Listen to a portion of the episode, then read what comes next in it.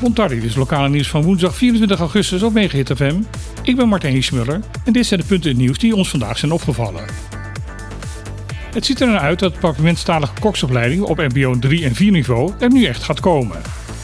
Dat is volgens de website dossier Koninkrijksrelaties op te maken uit de reactie van de Eerste Kamer op de wetswijziging die hiervoor nodig is. De opleiding is bedoeld voor een kleine groep koks op Bonaire die al werkzaam zijn binnen de horeca en graag carrière willen maken binnen hun vak. Daar is volgen van een hogere opleiding voor nodig. Voor het halen van een diploma op mbo 3 of 4 niveau is normaal gesproken een goede kennis van Nederlandse taal nodig en dat is juist bij deze groep een onoverkomelijk probleem.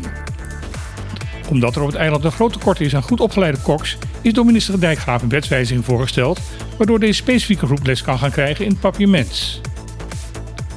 In de Tweede Kamer was hier nog groot bezwaar tegen van de fracties van de VVD en PVV. Uiteindelijk kon de minister deze zorgen wegnemen en werd de wetswijziging in deze Kamer aangenomen.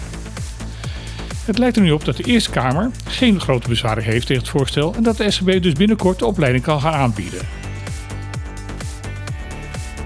Basisschool Het Koraal staat op Bonaire vooral bekend als vrijwel de enige plek binnen de BES waar kinderen met bijzondere leerbehoeftes basisonderwijs kunnen volgen. Omdat bijzonder onderwijs in Caribisch Nederland niet door het ministerie van Onderwijs bekostigd wordt, is het Koraal een privéschool waar ouders zelf de kosten voor het onderwijs moeten betalen. Dat komt meestal neer op een bedrag van 350 dollar per maand. Veel ouders op Bonaire kunnen dat niet betalen. Het Koraal wil echter een school zijn waar alle kinderen van Bonaire terecht kunnen en de nieuwe wet meer ruimte voor nieuwe scholen lijkt daarvoor een kans te bieden. Voorwaarde hiervoor is dat de school kan aantonen dat er voldoende belangstelling is van ouders om hun kind op het koraal te willen plaatsen.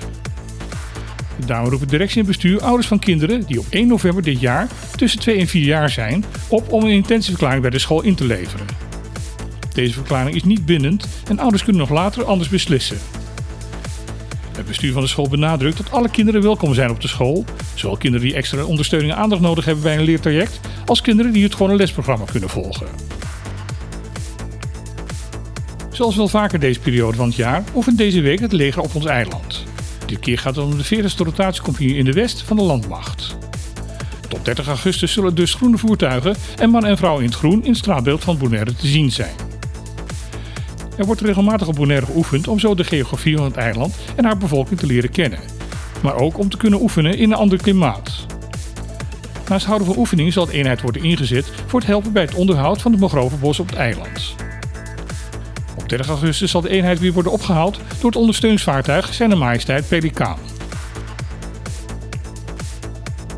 Er moet in Caribisch Nederland meer capaciteit komen om witwaspraktijken te kunnen opsporen en te vervolgen.